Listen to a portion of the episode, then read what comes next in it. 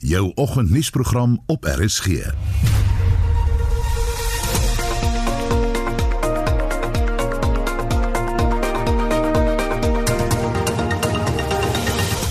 vanoggend se program Donald Trump het pas sy Republikeinse nomineringstoespraak vir die presidentskap gelewer. Ons praat na 07:30 met 'n ontleder. Hulde aan twee Namibiërs. En hy het nog soveel gehad om te bied. Hy het 'n firma begin, Hydrosat wat nou in die volgende maand of 2 hulle eerste ruimtetoetse sal doen vir die instrumente wat hulle ontwikkel het. Dis vroue maand en Dr Willem Botha bespreek die woorde megalomaniak, psigofant en papgeld. Hoe betekenisvol is vroue maand as 'n vermeende korrupte vrou haar verdagte bevordering bestempel as 'n oorwinning vir alle vroue? En rolprentteaters is weer oop. Leon van Nierop vertel so bietjie later hoe fliek toe gaan nou verander het en resenseer ook die jaar se grootste fliek Tenet. Welkom by Monitor. My naam is Anita Visser.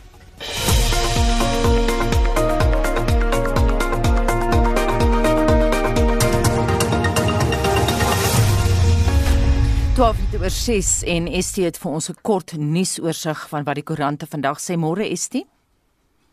Môre Anita vir kort nuusoorseig soos jy nou net gesê het op 28 Augustus se Afrikaanse koerant voorblaaie. Beeld die burger en volk Volksblad berig al drie in hulle hoofberigte vanoggend slagordes wat opgestel is teen Ys Magashule en dat president Cyril Ramaphosa steun wil kry om die faksie op sy agtervoet te hou. Die berig gaan daaroor dat die ANC se sekretaris-generaal Ys Magashule gedaag word om voor die party se integriteitskommissie te verskyn.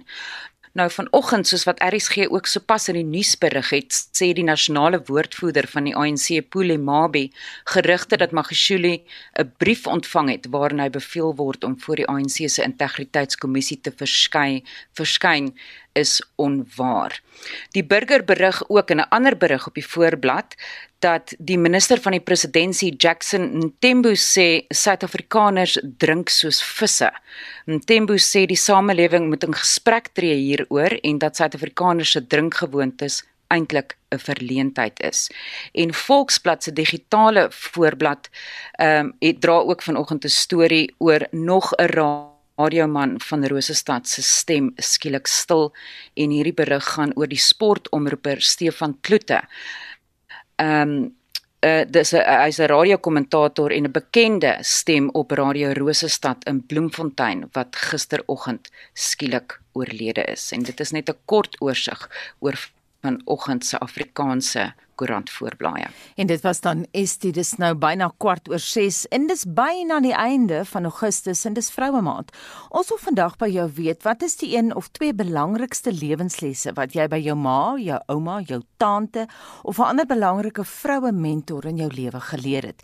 Stuur vir ons 'n SMS na 45889 dit kos R1.50 of gaan na facebook.com vorentoe skynstreep ZRSG of WhatsApp vir ons stemnota na 076 5366961 076 18 lughawens dwars oor Suid-Afrika het heropen en streng gesondheids- en veiligheidsmaatreëls is daar gestel om die verspreiding van COVID-19 te bekamp. Passasiers word gevra om meer as 2 uur voor hulle vlugte op die lughawe te wees. Annelie Jansen van Vuren het die besonderhede plaaslike lugrederye sê hulle is slaggereed om plaaslike vlugte te hervat. Die bemarkingshoof by Fly Saf Air, Kirby Gordon, sê al die rolspelers werk saam om gesondheidsmaatreëls op lughawens as ook aan boord vliegtye te verskerp. the moment, Flight SA is operating our full route network. We have flights available between Johannesburg, both at OR Tambo and Lanseria, down to Cape Town, East London, Durban, George, and Port Elizabeth. It's not our full schedule, so you won't have the same sorts of frequencies that we would have seen before, say, lockdown. It's really uh, the airline working together with the sort of larger aviation community. On the actual air side, we've also got a number of interventions in place. So those include things like new boarding and disembarkation procedures to ensure that there's social distancing in place, with uh, lots of information about the sophisticated HEPA air filters that are available on the aircraft, which recycle the air with inside and outside air every three minutes. There's a lot of uh, cleaning precautions precautions that are done. So between flights, we fog the actual aircraft with anti-COVID-19 substrates. In gevolge die nuwe maatreëls mag familielede jou nie meer op die lughawe kom afsien nie. Passasiers sal vraelyste oor hul gesondheid moet invul en hul temperatuur sal gemeet word. Die Lanseria internasionale lughawe in Johannesburg het ook verskeie nuwe tegnologiese maniere in plek gestel om sogenaamde kontaklose reis te bevorder. Lanseria se uitvoerende finansiële hoof, Mpolageng Moglobe, verduidelik hoe dit werk. Passengers were now requested to do a health screening. They will test your temperature. The biggest change for us has been that no mask no entry. The health screening where they would ask you health questions. We've also had to go change our processes to be more contactless. The big thing we are encouraging our passengers is to come in early at the airport just to allow for this health screening processes to take place. And the big game changer for us is a system called Scan and Fly, which assists a passenger to scan and tag their own bags.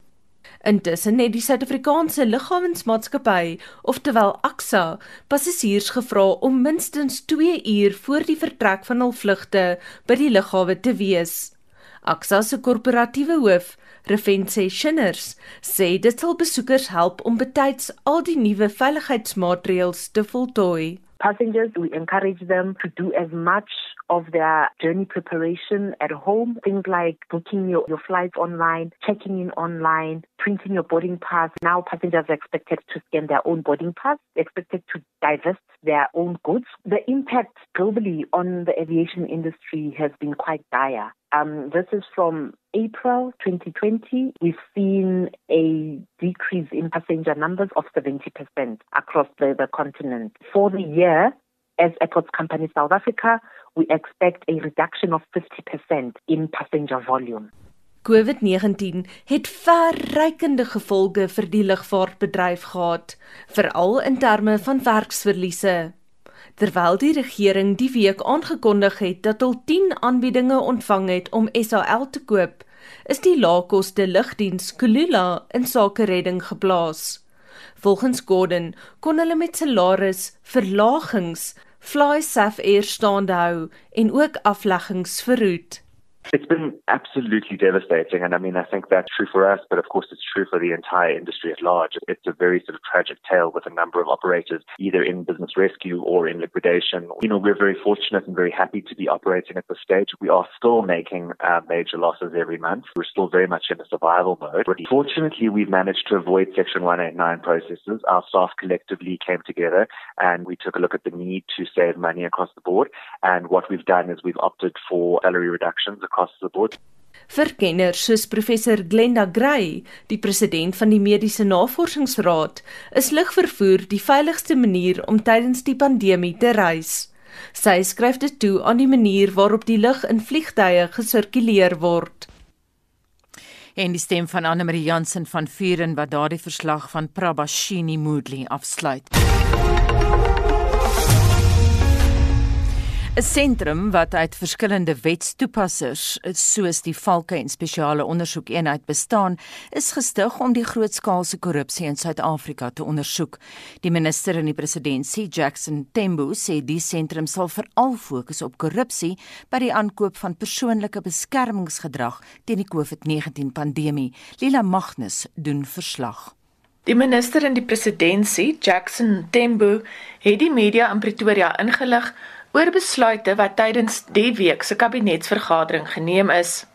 Hy sê weens die grootskaalse korrupsie in Suid-Afrika, die minister van Justisie, Ronald Lamola, besig is om die wetgewende raamwerk op te stel vir 'n eenheid wat sal spesialiseer om korrupsie te ondersoek.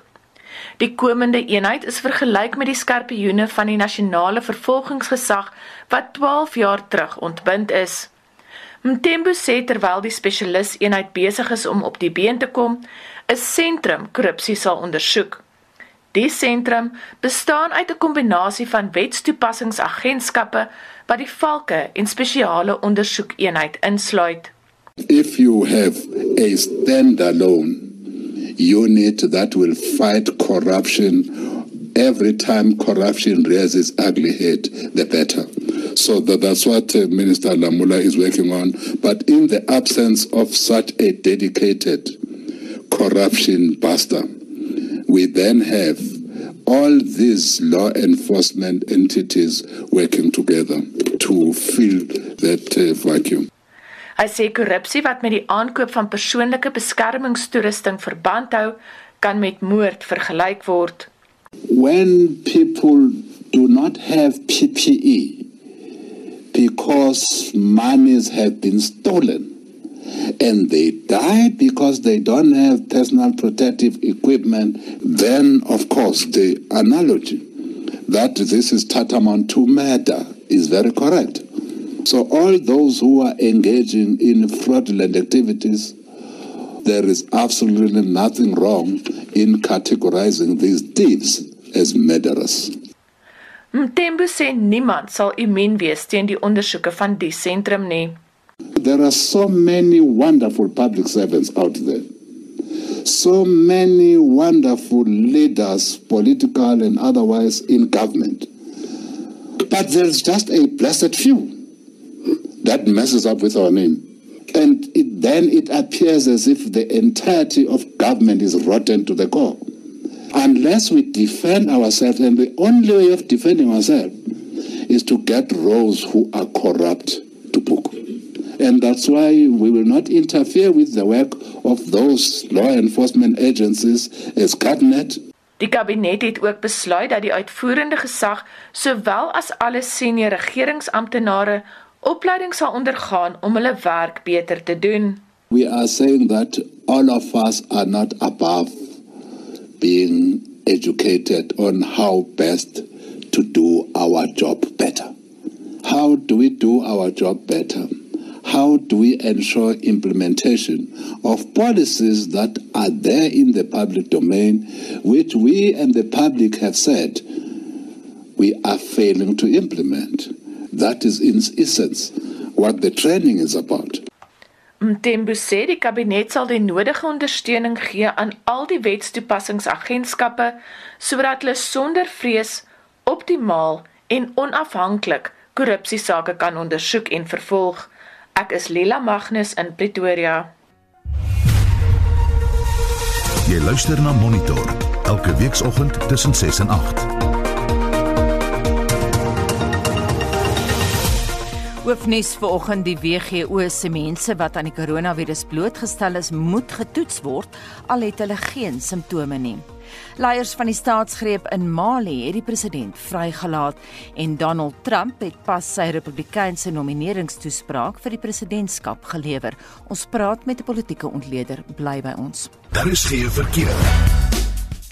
In KwaZulu-Natal staan 'n vragmotor stil op die N3 ooswaarts net voor die Pieter Brown afrit. Die linkerbaan is gesluit. Nog 'n voertuig versper die pad op die N3 ooswaarts net na Cliffdale en die middelbaan is hier gesluit. So ry asseblief versigtig. In Gauteng Kilner Park op die N1 Noord is stormvoël weg heeltemal gesluit weens 'n ernstige botsing. Dit veroorsaak reeds 'n vertraging van meer as 'n uur lank vanaf die N4 proefplaaswisselaar. Vermy asseblief hierdie roete indien jy in die rigting van Hammanskraal gaan vanoggend. Nou, staak vandag landwyd en ons sal die impak hiervan op verkeer dophou. Nog geen probleme is in die Wes-Kaap aangemeld in terme van verkeer nie en indien jy vir ons 'n wenk wil stuur, SMS 45889, begin die SMS met die woord verkeer. Onthou dit kos R1.50. Ek is Anne Marie Jansen van Vuren vir RSG verkeer. En so van die SMS'e gepraat, is jy die vloer? Viljoen skryf. Sy het by haar ma of haar ouma, sy sê nie by wie sy dit geleer het nie, maar sy sê sy het geleer elke mens gaan deur verskillende seisoene, soms voorspoed en lewenslus, so uitbundig soos lente en somer, soms verlies en pyn soos herfs en winter. Respekteer ander mense se seisoene veral as jy in die lente van jou lewe is. Toon empatie met ander in hulle herfs en winter, want dit lê ook vir jou voor. Betsy Kloete sê dat ek goed genoeg is en as ek dit kan droom, kan ek dit doen. Lizzie Webster skryf sy het geleer doen aan ander wat jy aan jouself gedoen wil hê, hoe meer liefde jy saai, hoe meer sal jy ontvang. Christel Pretorius Botha laat weet vir ons sonder om dit ooit uit te spel, het haar ma vir haar gesê: "Wees goed vir mense, deel." Ek het haar nooit 'n lelike woord van enige iemand anders hoor sê nie. En dan sê Larry Grywenstein: "Doen alles in jou vermoë om jou familie bymekaar te hou, gaan uit en leer jou lewenslesse, maar weet dat daar 'n huis is waar jy soms kan stilhou en afpak, al is dit net vir 'n uur of 2." En dan laastens vir nou skryf Johanna Vel: "Wees gas Wees gasvry, vrygewig en vergewingsgesind teenoor almal. Moenie uitstel nie. Hou jou kombuis en jou badkamer skoon. Ons wil vandag by jou weet dis amper die einde van Augustus wat vroue maand is en ons vra vandag vir jou wat is die een of twee belangrikste lewenslesse wat jy by jou ma, by jou ouma of 'n ander belangrike vroue mentor in jou lewe geleer het. Stuur vir ons 'n SMS na 45889 teen R1.50 'n SMS. Gesels saam op ons Facebookblad by facebook.com vorentoe skuinstreep ZARSG of WhatsApp stemnota na 076536 6961. Hier is Shaun Jooste met sportnuus. Kom ons kyk na 'n paar uitslae en wat die naweek voorlê. Op die golfbane is Hideki Matsuyama van Japan op 3 onder die voorloper na die eerste ronde van die PGA Tour se BMW Kampioenskappe. Suid-Afrikaanse Louis Oosthuizen en Dylan Fratelli is gesamentlik 21ste op 2 oor. Die Suid-Afrikaner Justin Walters op 8 onder is die voorloper in die eerste ronde van die Verenigde Koninkryk Kampioenskappe in Engeland. Die eerste ronde is deur swaar reën onderbreek en word binnekort voortgesit. Die plaaslike Martin Rouwer, Jaden Shaper en Daniel van Tonder begin vandag se laaste ronde van die Sonskynreeks se African Bank Kampioenskappe as die gesamentlike voorlopers op 7 onder. Die LPGA Tour se Arkansas Kampioenskappe slaan vanmiddag af met Ashley Buy die enigste Suid-Afrikaner in die veld. Sungyeon Park van Suid-Korea was die wenner in 2019. Mense Suid-Afrika se Leon Luthwaite, Monique Smit en Stacy Breckman neem aan die vroue Tsjechiese ope deel. Fietsry. Ons herinner graag dat die 2020 weergawe van die Tour de France môre in Nice in Frankryk begin. Die toer van 3 weke eindig op 20 September en word oor byna 3.500 km beslis. Van die groot name sluit die plaaslike Julien Alaphilippe, Thibaut Pinot, die Hollander Tom Dumoulin, Slovenië se Tadej Pogačar en Primož Roglič en ook die verdedigende kampioen Egan Bernal van Colombia in. Die Suid-Afrikaners op die toer is Darryl Impey en Ryan Gibbons. Op die tennisbaan by die Western and Southern Open in New York word die halfeindstryde vandag gespeel. In die mansafdeling met Novak Djokovic van Servië teen die Spanjaard Roberto Bautista Agut en die Griek Stefanos Tsitsipas teen Milos Raonic van Kanada kragte. In die vroue afdeling stap Naomi Osaka van Japan teen Elise Mertens van België en die Brit Joanna Konta teen Victoria Azarenka van Belarus op die baan uit. Osaka het uit die toernooi onttrek, maar van besluit verander nadat die organiseerders gister se wedstryde na vandag uitgestel het. Sokker. In gister se PSL wedstryde het Kaizer Chiefs 1-0 teen Mamelodi Sundowns verloor en Bloemfontein Celtic en Wits het 1-1 gelyk opgespeel. Môremiddag half 2 kom Orlando Pirates teen SuperSport United. Die aand 6uur Golden Arrows teen Cape Town City. Sondagmiddag half 4 Wits teen Chiefs en die aand 6uur Sundowns teen Baroka FC te staan om net 'n paar te noem. Liverpool en Arsenal meet môre middag half 6 in die Engelse gemeenskapskuld kragte en Chelsea en Manchester City pak mekaar in die vroue gemeenskapskuld om half 2. Beide wedstryde word regstreeks op SABC3 uitgesaai. Op die rugbyveld in Australië se plaaslike Super Rugby reeks speel die Brumbies later vanoggend in Canberra teen die Western Force en die Rebels môreoggend kwart oor 11 in Melbourne teen die Waratahs. Motorsport. Die Formule 1 seisoen word hierdie naweek in België voortgesit. Die wedren begin Sondagmiddag kort na 3 en word oor 44 rondes gejaag. En laastens op die cricketveld slaan die T20 reeks tussen Engeland en Pakistan vanaand 7uur op Old Trafford in Manchester af. Die reeks bestaan uit 3 wedstryde. Shaun Schuster, SAK Sport.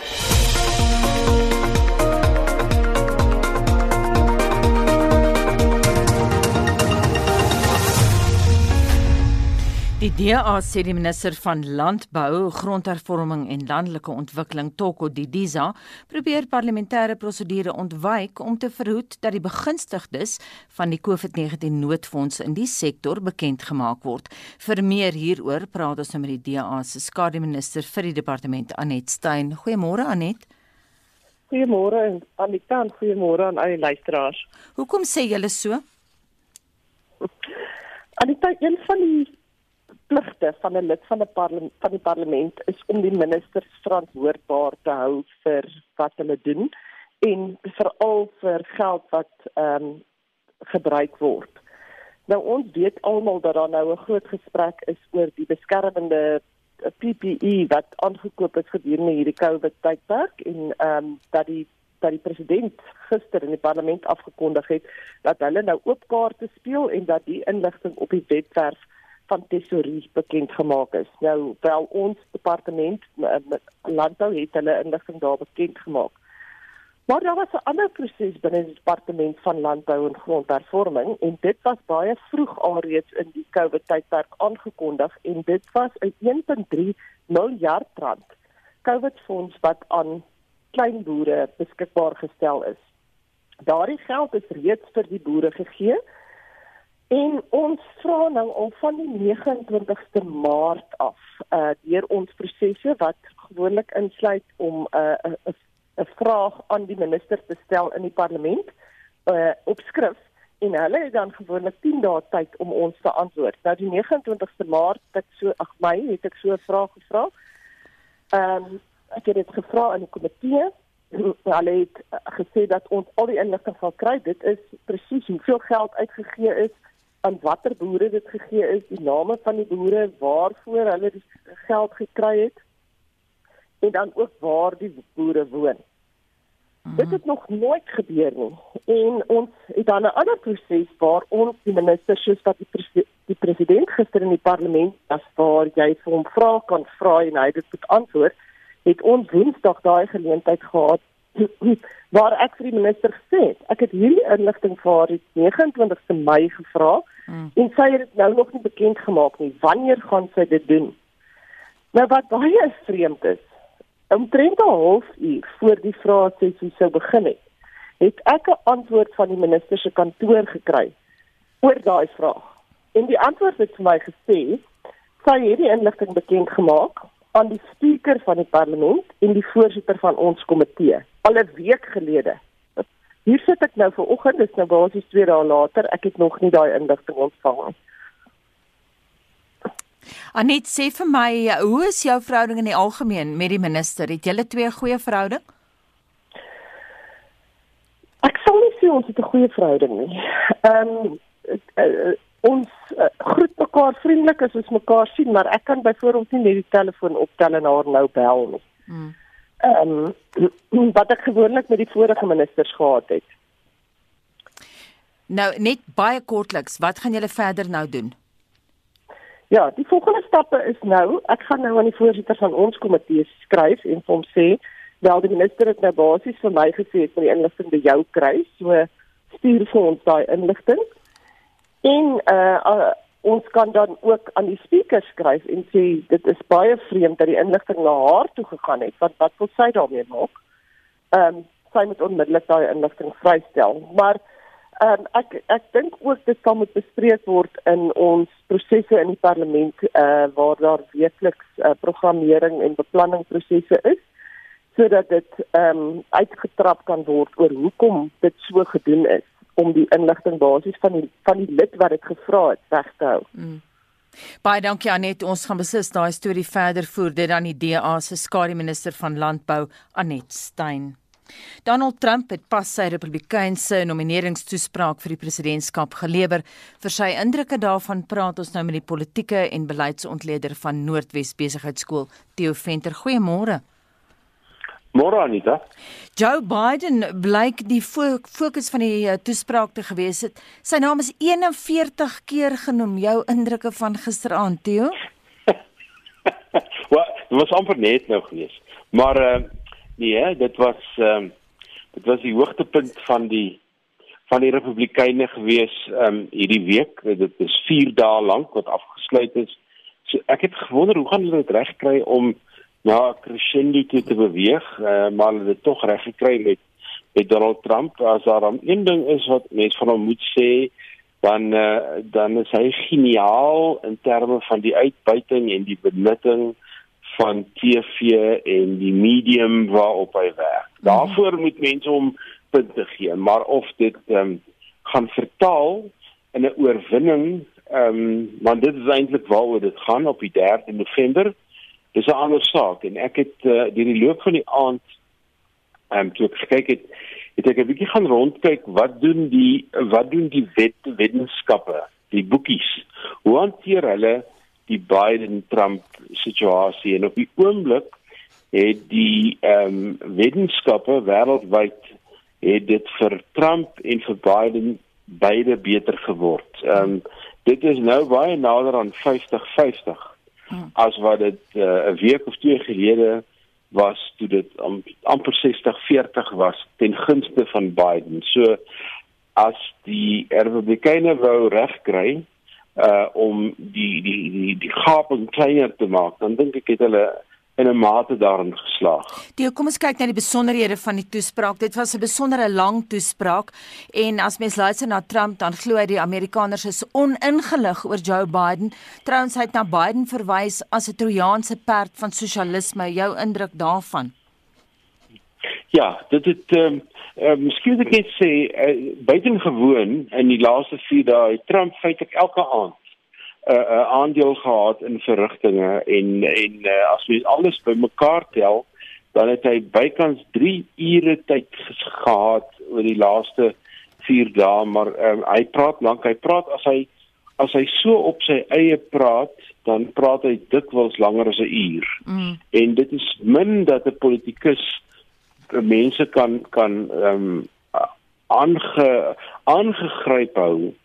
Ehm um, soos wat Trump dit kan doen en hy doen dit deur natuurlik hierdie hierdie stories te vertel en sy sy ehm um, sy temas het baie duidelik deurgekom uh, dat uh, Trump ag dat Biden nie te vertrou is nie dat Biden eintlik maar net die dun end van die wig is en die dun end van die wig is kruipende sosialisme. Nou hmm.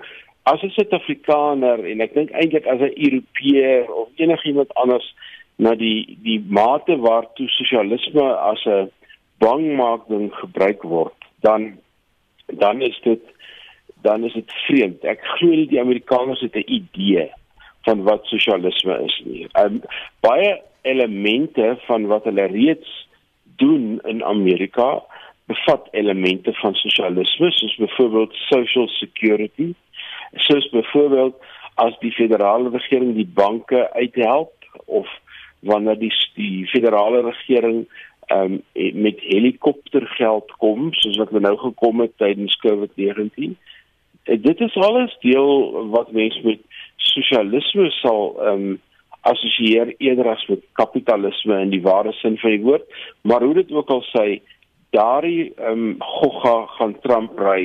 Ehm um, en dit is maar een van die temas wat hy gebruik het en hy gebruik dit om die ehm um, om die dit wat hy eintlik wou gebruik het aan die begin van die jaar, naamlik die beste in die ekonomie ooit wat eintlik nou vir hom weggeneem is deur COVID-19. Dit is nou vervang deur Biden. Dit was 'n bietjie korter kan antwoord asseblief. Ons het baie vrae. Jy het nou gepraat van goggas.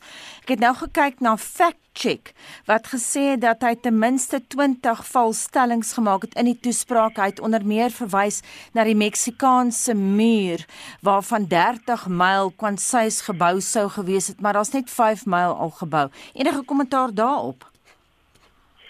Wel, ehm um, ek dink Trump praat in metafore. Trump praat nie ehm um, dit eh, die die werklikheid en dit wat hy sê is baie ver verwyder van mekaar. En, uh, ek dink sy hele taalgebruik, sy hele verwysing na is altyd in 'n oordrewe trant.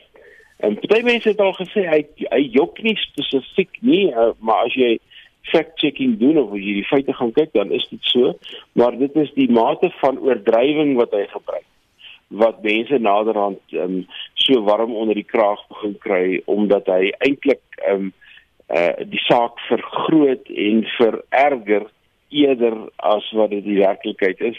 En die muur is een. Ook sy stelling dat die Meksikane eintlik betaal vir die muur. Mm. Ehm um, hy hy bly dit aan mekaar sê en dit is nie die waarheid nie.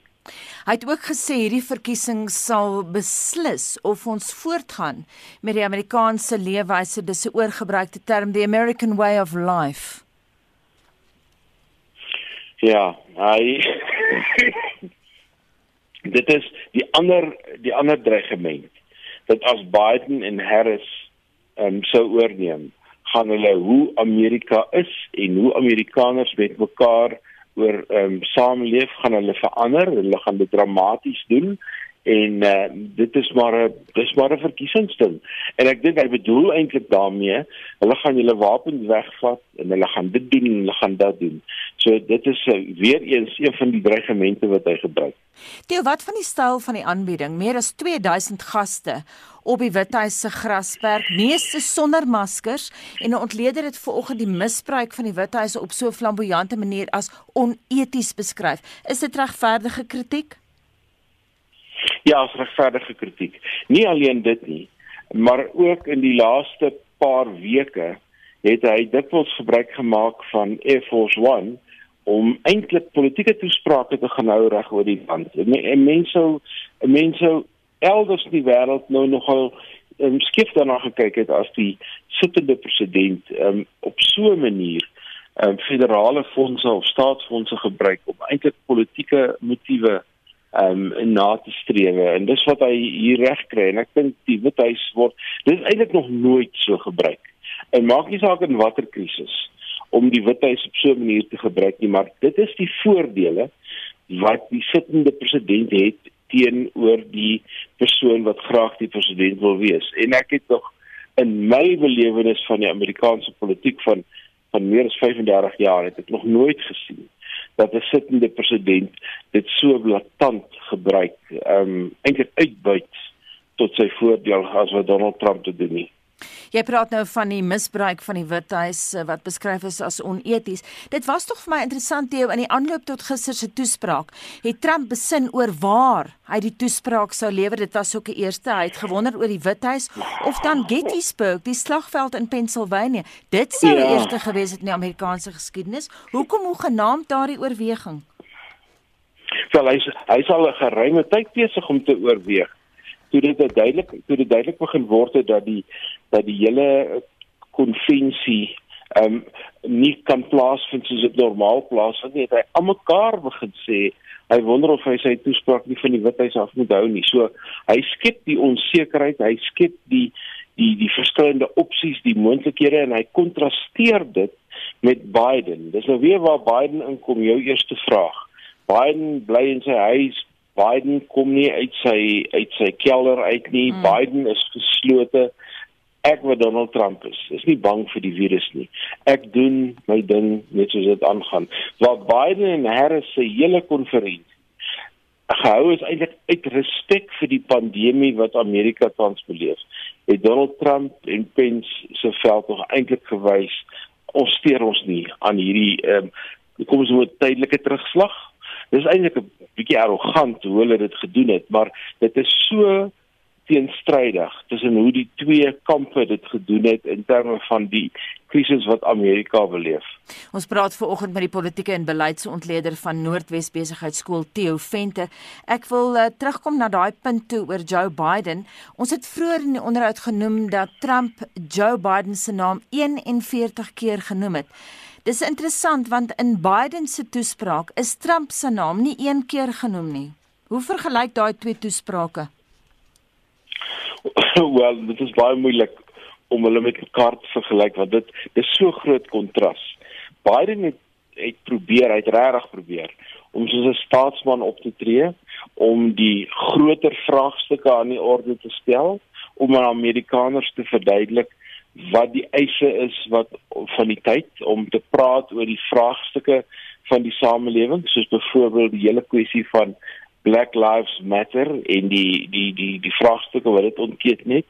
As jy na Trump luister, dan is dit heeltemal 'n 'n ander trant. Ehm um, naamlik dit wat jy beleef as Amerikaners word veroorsaak deur Biden. Dit word veroorsaak deur die sogenaamde linkses waarvan Biden eintlik nou maar net die die dun end van die wig is, die punt van die ysberg. Ondertoe lyk dit nog veel erger. En dan bring hy vir Kamala Harris in en sê nou maak hy nou wys hy eintlik hoe wat is die diepgang van sy liberale kant. So Trump praat vir sy basis, hy praat vir sy ondersteuners. Biden het gepraat vir 'n groter ehm um, publieke veld as wat as wat hy gedoen het. So as 'n mens vir hulle moet punte gee in daai opsig dan het Biden meer punte gekry as 'n potensiële staatsman wat hy ook al was en Biden het daar 28 Trump het daarvoor baie min punte gekry. Die toespraak in Washington dan die agtergrond daar was Black Lives Matter betogings. President Trump het die polisie verdedig en gesê die betogers boei die polisie. Dit was sy presiese woord wat hy gebruik het. Betogers boei die polisie. 'n uh, Verwysing na die polisie, moet ek vir jou sê het ek verwag in hierdie toespraak het jy? Ja, ek het verwag. Ek het ek het om die waarheid te sê selfs verwag want hy het in vorige van sy insetsels deur die loop van die week wel gedoen.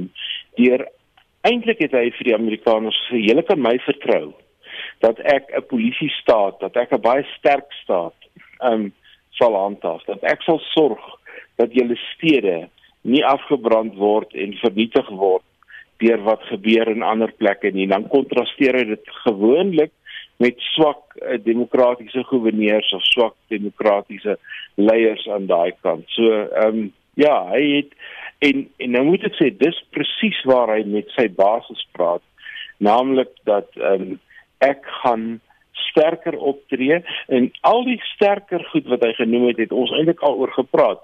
Die muur is 'n voorbeeld van sterker optrede. Immigrasie is 'n vorm van sterker optrede. En mense sou dit ook kon interpreteer as om te sê 'n groter soort van nasionalisme, 'n groter vorm van na binne gerigtheid. Ehm um, ehm um, kyk na wat is eie belang teenoor Biden wat soos 'n staatsman bietjie die Amerikaanse rol in 'n groter konteks geplaas het om te sê waar behoort Amerika eintlik te wees nie wat is eintlik in Amerika se eie belang nie Theo, ek wil net vinnig wegbeweeg van die eintlike toespraak. Kom ons kyk 'n bietjie na die aanloop tot die 3 November verkiesing. In 2016 het Trump Hillary Clinton beskuldig van die gebruik van opkikkers voor TV-debatte. Nou doen hy presies dieselfde met Joe Biden. Trouwens, hy stel nou voor dat hy en Biden albei getoets moet word voor enige van die drie debatte wat nog voorlê. Wat dink jy daarvan? Ja, ek dink dit is so belaglik en ek dink dis deel van sy poging om Biden af te breek in sy openbare beeld. Ehm um, dat Biden is 'n ou man.